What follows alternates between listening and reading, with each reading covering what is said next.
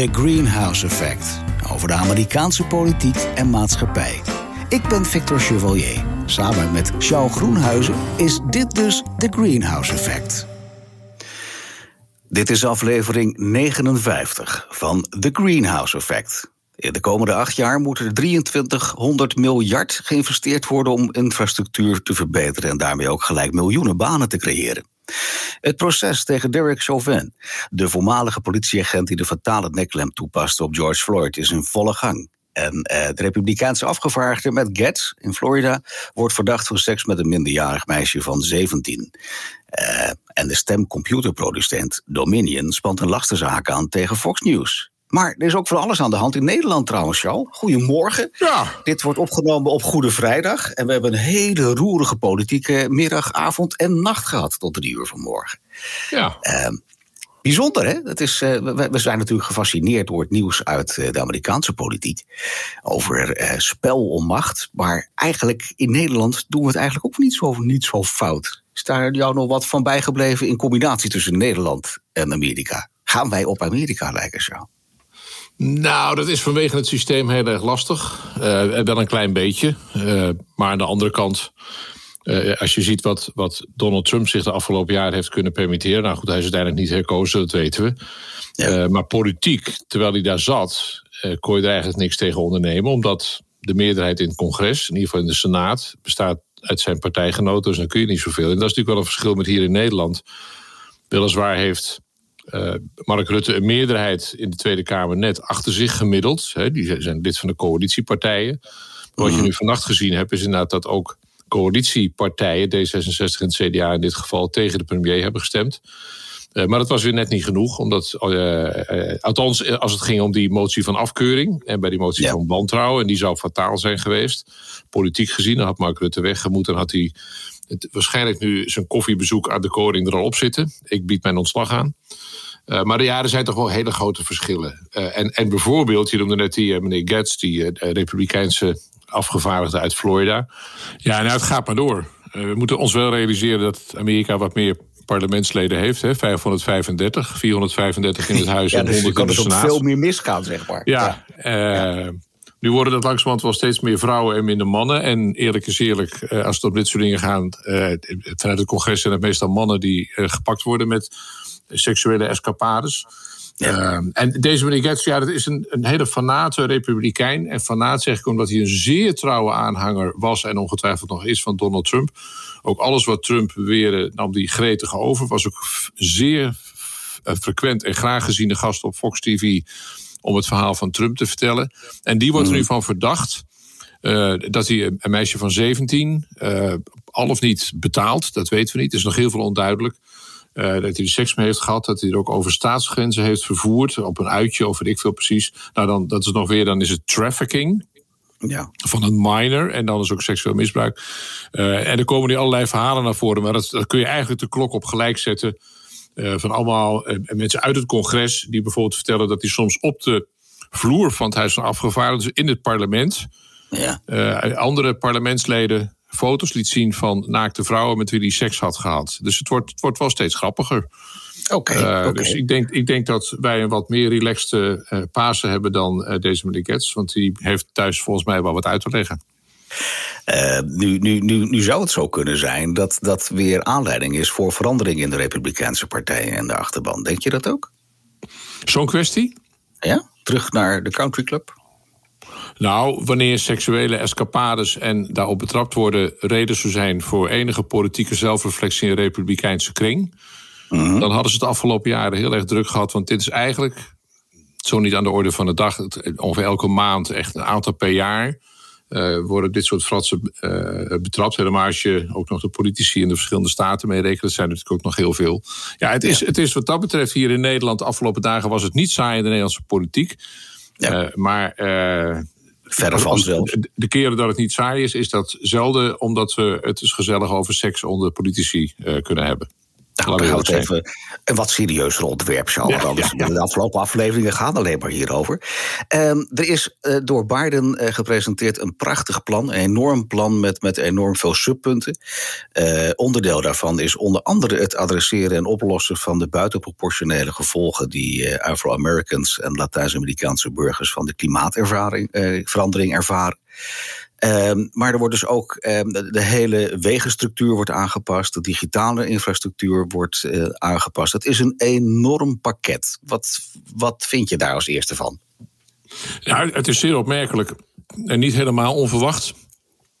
Uh, ik zat het van de week nog eens terug te bladeren in het laatste boek wat ik geschreven heb, Amerika na Donald Trump, waar ik toen veel over ben uitgelachen, ook over die titel van ha ha ha, Charles denkt dat Trump verdwijnt. Maar ik heb toen, dat weet jij, gezegd, nou ja, die Biden zou het wel eens kunnen worden. En ik heb toen ook al vrij uitgebreid geschreven over uh, plannen van Joe Biden die je zou kunnen rangschikken uh, in, in, de categorie New Deal. En de, de deskundigen denken, oh, Franklin Roosevelt, de jaren 30, crisis en enorme investeringen in de economie en de rest van de samenleving. Uh, daar begint dit een klein beetje op te lijken, hoewel Joe Biden, denk ik, die woorden nooit in de mond zou nemen. Ik zat van de week naar hem te luisteren toen hij dit plan aankondigde. En toen dacht ik bij mezelf: Joe, FDR, Franklin Roosevelt, noem hem nou even. Nou, dat deed hij dus niet. En ik denk wel heel bewust, en dan kom ik eigenlijk ook een beetje op de analyse van dit plan. Het gaat over de harde infrastructuur, gewoon beton, wegen, viaducten, vliegvelden enzovoort enzovoort. Het gaat ook heel erg over investeringen in klimaat. En dat ligt natuurlijk politiek alweer wat gevoeliger omdat er nogal wat republikeinen zijn die denken dat het ook één groot complot van de Chinezen is. Allemaal flauwekul. En daarmee praten ze Donald Trump naar, die dat ook allemaal onzin vond. Uh-huh. Maar het gaat bijvoorbeeld uh, inderdaad ook over allerlei dingen van ongelijkheid. Uh, ze willen in de richting van zwangerschapsverlof dingen gaan doen. Uh, fors investeren in onderwijs voor de allerkleinste, eh, tot vier jaar, want daar ontbreekt het eigenlijk aan. Ja. Uh, dus het is een heel breed plan, maar wat er zo fascinerend aan is, en dat vind ik wel behoorlijk slim uh, van Joe Biden, dat hij het heel erg definieert in vrij algemeen politieke termen en het ook heel erg brengt als een recept om de gevolgen van de coronacrisis te bestrijden. Kijk, ja. hij had ook kunnen zeggen van dames en heren, uh, ik ben Joe Biden en ik ben links. En u hebt dus een linkse president gekozen. Dus ik zal dus even flink links van lang, uh, u van langs geven met z'n allen. Leuke dingen voor linkse mensen. Ja. En hij doet het tegendeel. Daar komt het gematigde karakter van Joe Biden om de hoek kijken. Nou, als je nu kijkt naar de reacties daarop. Aan de rechterkant, onder leiding van de topsenator Mitch McConnell, republikein bondgenoot ook van Trump, die zegt wij gaan op geen enkele manier met dit plan mee, want het leidt tot belastingverhoging. Dat is waar. Ja. Uh, maar laten we even niet vergeten dat eind 2017, toen Trump er net zat, heeft hij een belastingverlaging van ongeveer hetzelfde bedrag doorgevoerd. Die kwam vooral ten goede aan bedrijven en de rijkste van Amerika. En wat doet Biden nu? Die gaat inderdaad de belastingen verhogen. En ja, je raadt het al, voor bedrijven en de rijkste in Amerika. Maar goed, dat is dus de, eigenlijk een soort Pavlov-reactie van de Republikeinen. Het is democratisch, het is Joe Biden. Uh, en dat gaan we uh, kapot proberen te krijgen in de Senaat. Hè. Bedenk ook mm-hmm. even uh, in die verkiezingscampagne dat ook Donald Trump en anderen alsmaar als die Joe Biden president wordt, dan stort hij Amerika in de socialistische afgrond. Dat weet jij nog. Ja. ja. Nou, Joe Biden blijft dus heel erg weg van die ideologisch gevoelige dingen. Klimaat is misschien een beetje de uitzondering om dat verwijt tegen te gaan. Nou, dat is dus de reactie aan de rechterkant. Aan de linkerkant onder leiding van bijvoorbeeld Alexandria Ocasio-Cortez, een links-democratisch congres uit New York. We hebben veel over de gehoord. EOC heet ze ook al in de wandeling. Die zegt, ook vrij voorspelbaar, dit gaat lang niet ver genoeg. Nou hebben we een linkse president en dan komt hij met zo'n slap gematigd plan. Want het is natuurlijk wel kolossaal, twee 2 trillion, dat is 2 biljoen, 2000 miljard. Dat is inderdaad een kolossaal bedrag. Komt bovenop dat eerdere stimulus package voor corona. Dus ja. het neemt inderdaad enorme vorm. Maar het is wel uitgespreid over een aantal jaren. Maar dit is wel. Uh, wat de Republikeinen hebben gevreesd en waar de meeste Democraten op hebben gehoopt. Uh, toen Joe Biden op 20 januari als president aantrad. Is dat ook een beetje een strategische keuze? Dat hij uh, allerlei beleidsterreinen tegelijkertijd binnen één plan uh, in de uiteindelijke stemming werkt? Ja, ongetwijfeld. Uh, ook omdat hij weet, en dat is ook wel het verbazende aan de reactie van de Republikeinen. Kijk, als je aan Amerikanen vraagt. Ben je voor hogere belasting voor de rijkste Amerikanen en voor bedrijven, dan zegt ruim 70% ja, daar ben ik voor. Dat moeten dus ook een hoop republikeinen zijn. Als je aan de Amerikanen vraagt, ben je ervoor dat wij de infrastructuur gaan opknappen? En mhm. ik heb, zoals je weet, nogal wat rondgereisd in dat land, ook per auto. Eh, en ook op openbaar vervoer, maar vooral toch bij auto uiteraard, want dat doe je in Amerika. Ja, de infrastructuur is ronduit belabberd. Ja, is heel Een aantal echt wrakkige vliegvelden, kapotte stations. Ik, ik het volgens mij wel eens verteld dat ik op een goed moment in, in de uh, upstate New York in de trein stapte. En er was geen eens een perron. Er werd gewoon een soort Brabantia-uitklaptrapje gezet waarmee je die trein inklom. Ik verzin het niet, hè? Ik verzin het niet, meneer Chevalier. Ja, ik weet het is echt verschrikkelijk. Uh, maar het probleem daarbij is, en dat verklaart de antireactie van de Republikeinen. Even nog weer de, die, die antisocialistische kruistocht van rechts. Mhm. Ze hebben op een bepaald moment besloten dat behalve kwesties als wapenbezit, abortus, homohuwelijk, hè, die typisch ideologische kwesties die die christenen ook aanspreken, hebben ze die antisocialistische agenda verbreed. En daar valt nu ook investeren in de infrastructuur onder. Want dat is inderdaad de collectiviteit, dat is de overheid, dat komt een force for good voor de, hè, voor de common good voor alle Amerikanen. En mhm. dat wordt nu aan de republikeinse kant ook gerangschikt onder socialisme. Daar komt het eigenlijk op neer. De linkse, democratische, socialistische agenda. En ja, dat, dat, dat zag je wel een beetje aankomen. En dat is ja, niet, op zijn zachtst gezegd niet helemaal onvoorspelbaar. Het verbaast mij wel uh, de Republikeinen langzamerhand toch moeten gaan nadenken. Wat willen we dan eigenlijk wel? Want ook Donald Trump had, heeft hij nooit uitgevoerd, heeft hij nooit doorgezet, had een zeer ambitieus plan voor de infrastructuur. En daar zaten uiteraard, Victor, nogal wat dingen in die in het plan van Joe Biden nu ook zitten. Gewoon inderdaad die harde infrastructuur, beton en staal. Ja, uh, en nu zijn ze ineens radicaal tegen. Omdat, ja, het, het, het leidt wel tot belastingverhoging. Bedoelt 2000 miljard, dat vind je niet ergens onder een steen. Nee, maar het is, het is wel bouwen. Het is letterlijk bouwen met stenen. Het, is, het is letterlijk gewoon, gewoon zo door. En banen dus. Poel, Wegen aanleggen, dat, dat, dat kun je niet uit China importeren. Dat is echt maar gewoon heb jij, good heb paying American jobs. Ja, letterlijk zoals het ouderwets was. Eh, maar, maar, maar denk je dat ze in beide huizen steun vinden voor het, voor het plan? En wat blijft echt overeind straks? Nou, ik vermoed dat de flink eind wel overeen hebben. Ze kunnen dit voor een groot deel kunnen ze het gewoon met gewone meerderheid doen. In de Senaat ook. Dus dan kunnen ze met de 50 eh, zetels die ze hebben en met Kamala Harris wordt het 51, hebben ze de meerderheid. Dus ik vermoed dat een flink deel hier wel van gaat doorgevoerd worden. En de Republikeinen blijven daar ritueel tegenhangen. Maar wat ik net al even aanduidde, je moet je langzamerhand gaan afvragen. Ze waren dus hartstikke voor dat infrastructuurplan van, uh, Rutte, van Rutte van Trump. Ja. Ik, wou, ik wou een vergelijking met Rutte gemaakt. Interessant hoe je hoofd dan werkt. Dan pak je dat woord van tevoren op. Daar waren ze voor. Dan zou ik denken, ga Rutteaans, daar komt hij à la Rutte mee aan de slag. En kijk of je ergens gemeenschappelijkheid kunt vinden. Kijk wat zat er in het plan van Trump, wat zat er in, zit er in het plan van Biden. Waar zitten de gemeenschappelijke kenmerken? En laten we die dan in ieder geval eens even gaan doorvoeren voorlopig. Maar daar is mhm. dus geen sprake van. En de polarisatie, waar wij in Nederland wel eens over klagen, maar echt de Nederlandse politiek is echt een gereformeerde handwerkclub vergeleken met wat zich in Washington op dat vlak afspeelt. Met, eh, eh, met excuses aan de gereformeerde handwerkclubleden te ja. winschoten. En, ja, Homer, Homer, Homer. Ja. Uh, maar het, het, het, het is altijd totaal zwart-wit en dat is alleen maar erger geworden. Nou ja, ik, ik moet wel zeggen, ik, ik vind het nooit zo fijn om jou gelijk te geven natuurlijk. Uh, maar je hebt wel gelijk dat Trump ontzettend stil is. Er gebeurt niet veel. Uh, er is wel wat aan de hand verder bij de Republikeinen. Uh, in die zin, zoals we in de vorige uh, podcast al besproken hebben, zijn die druk bezig met hun uitgangspositie te verbeteren bij de volgende verkiezingen. Dit op basis van de Big Lie.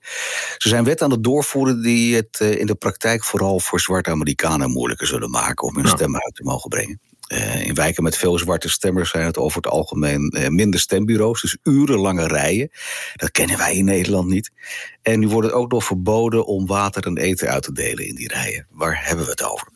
Maar wat wel een, een, heel grappig effect is, is dat uh, allerlei bedrijven zich gaan bemoeien daarmee. En die boycotten dat. Uh, onder andere Coca-Cola las ik. Ehm, vertel eens, wat, wat, hoe wordt naar het bedrijfsleven gekeken en wat betekent dit nu? Gaan de bedrijven op de stoel van de politici zitten? Nou, voor het deel wel. Maar dat, dat is op zich niet onredelijk. Dat zie je in Nederland ook. Boel, Shell en Unilever en Philips hebben ook invloed op de politiek. In Amerika gaat het wat rechtstreeks omdat ze ook geld geven aan politici. Ja. en wat jij beschrijft, dat, dat is waar. Georgia heeft voor opgelopen uh, met die wetten die uiteindelijk als effect zullen hebben dat onder andere het moeilijker wordt bijvoorbeeld voor zwarte Amerikanen om te stemmen. Daar is ontzettend veel glazer over geweest. Maar in het staatsparlement van Georgia hebben de Republikeinen de meerderheid. Mm Er zit ook een Republikeinse gouverneur. nou, oké, dus dat is allemaal doorgevoerd. Maar vanuit onder andere African Americans en organisaties wordt er nu geweldige druk uitgeoefend op grote bedrijven, met name bedrijven die gevestigd zijn, bijvoorbeeld in Atlanta, eh, de hoofdstad van, van Georgia. Eh, en daar wordt gezegd van jullie moeten politieke druk gaan uitoefenen en eisen dat die wetten worden ingetrokken, want dit is puur racisme. Zover gaat het uh, met, met de kritiek. Uh, en je moet je dan realiseren dat niet alleen in Georgia, maar in echt tientallen andere staten, in totaal honderden, ja u hoort het goed, honderden wetsontwerpen zijn ingediend door de Republikeinen. Eigenlijk allemaal met één doel. Ze zeggen het is antifraude, maar er is geen fraude. Oh, sorry, er zal wel eens een keer wat misgaan. En, maar niet meer of minder als bij ons, zeg maar. Ja, uh, opa die al vijf jaar dood is, die nog steeds naar de stembus gaat. Dat soort dingen gebeuren, maar dat gebeurt overal. Maar niet hmm.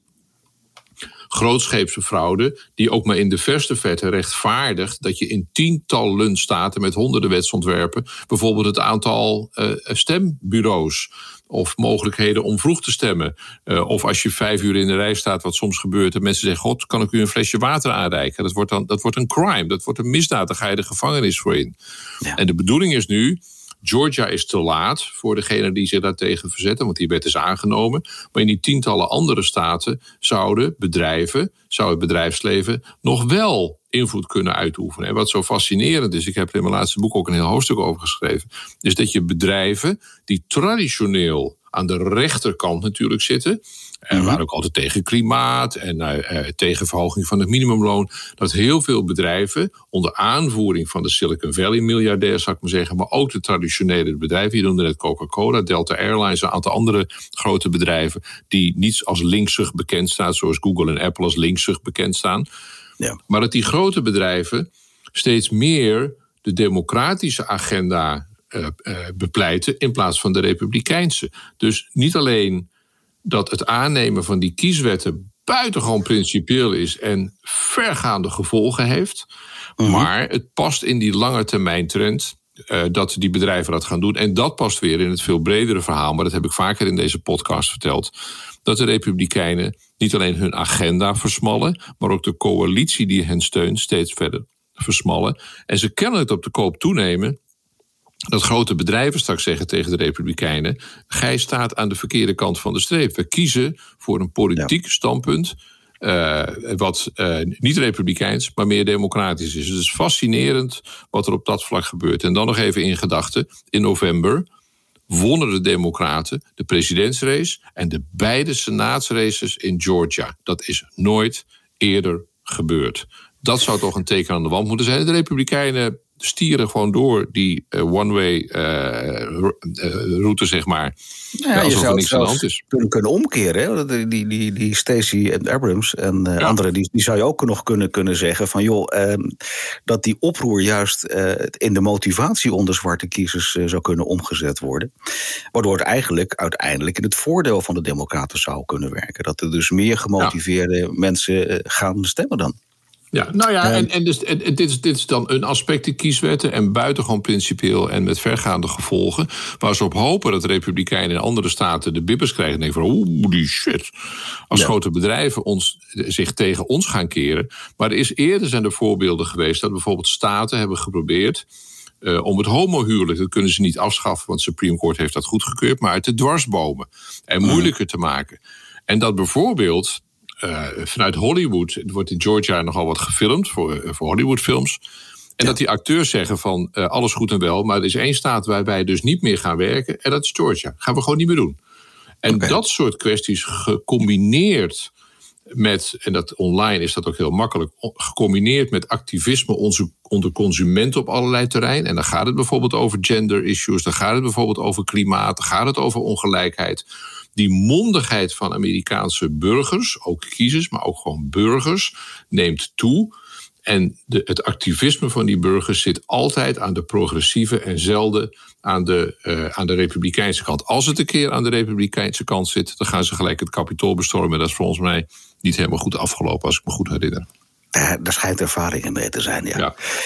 Um, dan de hele andere zaak. Eh, we gaan het nog even hebben over George Floyd. Um, de politieagent die vorig jaar in de lente uh, doodslag uh, pleegde. Zo moeten we het dan noemen, geloof ik. Het was in 2020. Die stak de lont in het kruidvat en leidde tot dagenlange protesten door de Black Lives Matter beweging. Uh, een beetje xenofobische retoriek omtrent de coronacrisis is er nu een toename aan geweld tegen Amerikanen met een Aziatische achtergrond. En in de vorige podcast bespraken we bijvoorbeeld de schietpartij in, Atlanta en uh, Aziatische massagesalons. Uh, deze week is een Aziatische vrouw van 65 in elkaar geslagen. En ook deze week de veteraan Lee Wong. Die liet zijn oorlogslidtekens zien en vroeg of dat American enough was. Ja. Wat, wat, kunnen we verder aan maatschappelijke reacties verwachten, Charles? Is, is een Asian Lives Matter-beweging in staat wereldwijde aandacht te krijgen? Nou, dat zou wel heel interessant zijn, omdat het natuurlijk een, een fascinerende groep immigranten is. Van deel zijn het helemaal geen immigranten meer, maar zijn het kinderen of zelfs kleinkinderen van immigranten. Maar goed, eh, zo is dat. Ja. Uh, Aziaten zijn tot nu toe een vrij stille, wel invloedrijke, maar stille minderheid in Amerika. Die doen gewoon oh. hun ding. Uh, ze studeren af en ze worden dokter of ze zijn ondernemer. En het is eigenlijk een vrij probleemloze minderheid. Uh, ook naar verhouding weinig misdaad, bijvoorbeeld vergeleken met Hispanics. Niks onaardigs ja. over Hispanics, maar ja, dat blijkt uit de cijfers, kan ik ook niet helpen. ja, dat, dat zou kunnen. Uh, en, en er zijn ook wel hele akelige herinneringen aan de Tweede Wereldoorlog. Toen trouwens onder de democratische president een deel ja. van de Japanse, Japanese Americans, American Japanese, ja. waren geïnterneerd. Ja. Vanwege natuurlijk eh, de rol van Japan in de Tweede Wereldoorlog enzovoort. Dus die werden maar voorlopig in een strafkamp gezet van je weet maar nooit. En dat uh -huh. zijn wel hele akelige herinneringen. Nou, dat gaat nu niet gebeuren, maar dat, dat, dat leidt de emoties wel hoger op. Nee. Uh, maar je noemde net George Floyd ja, die rechtszaak, Victor, dat is een soort testcase, uh, ook voor gedrag van de politie.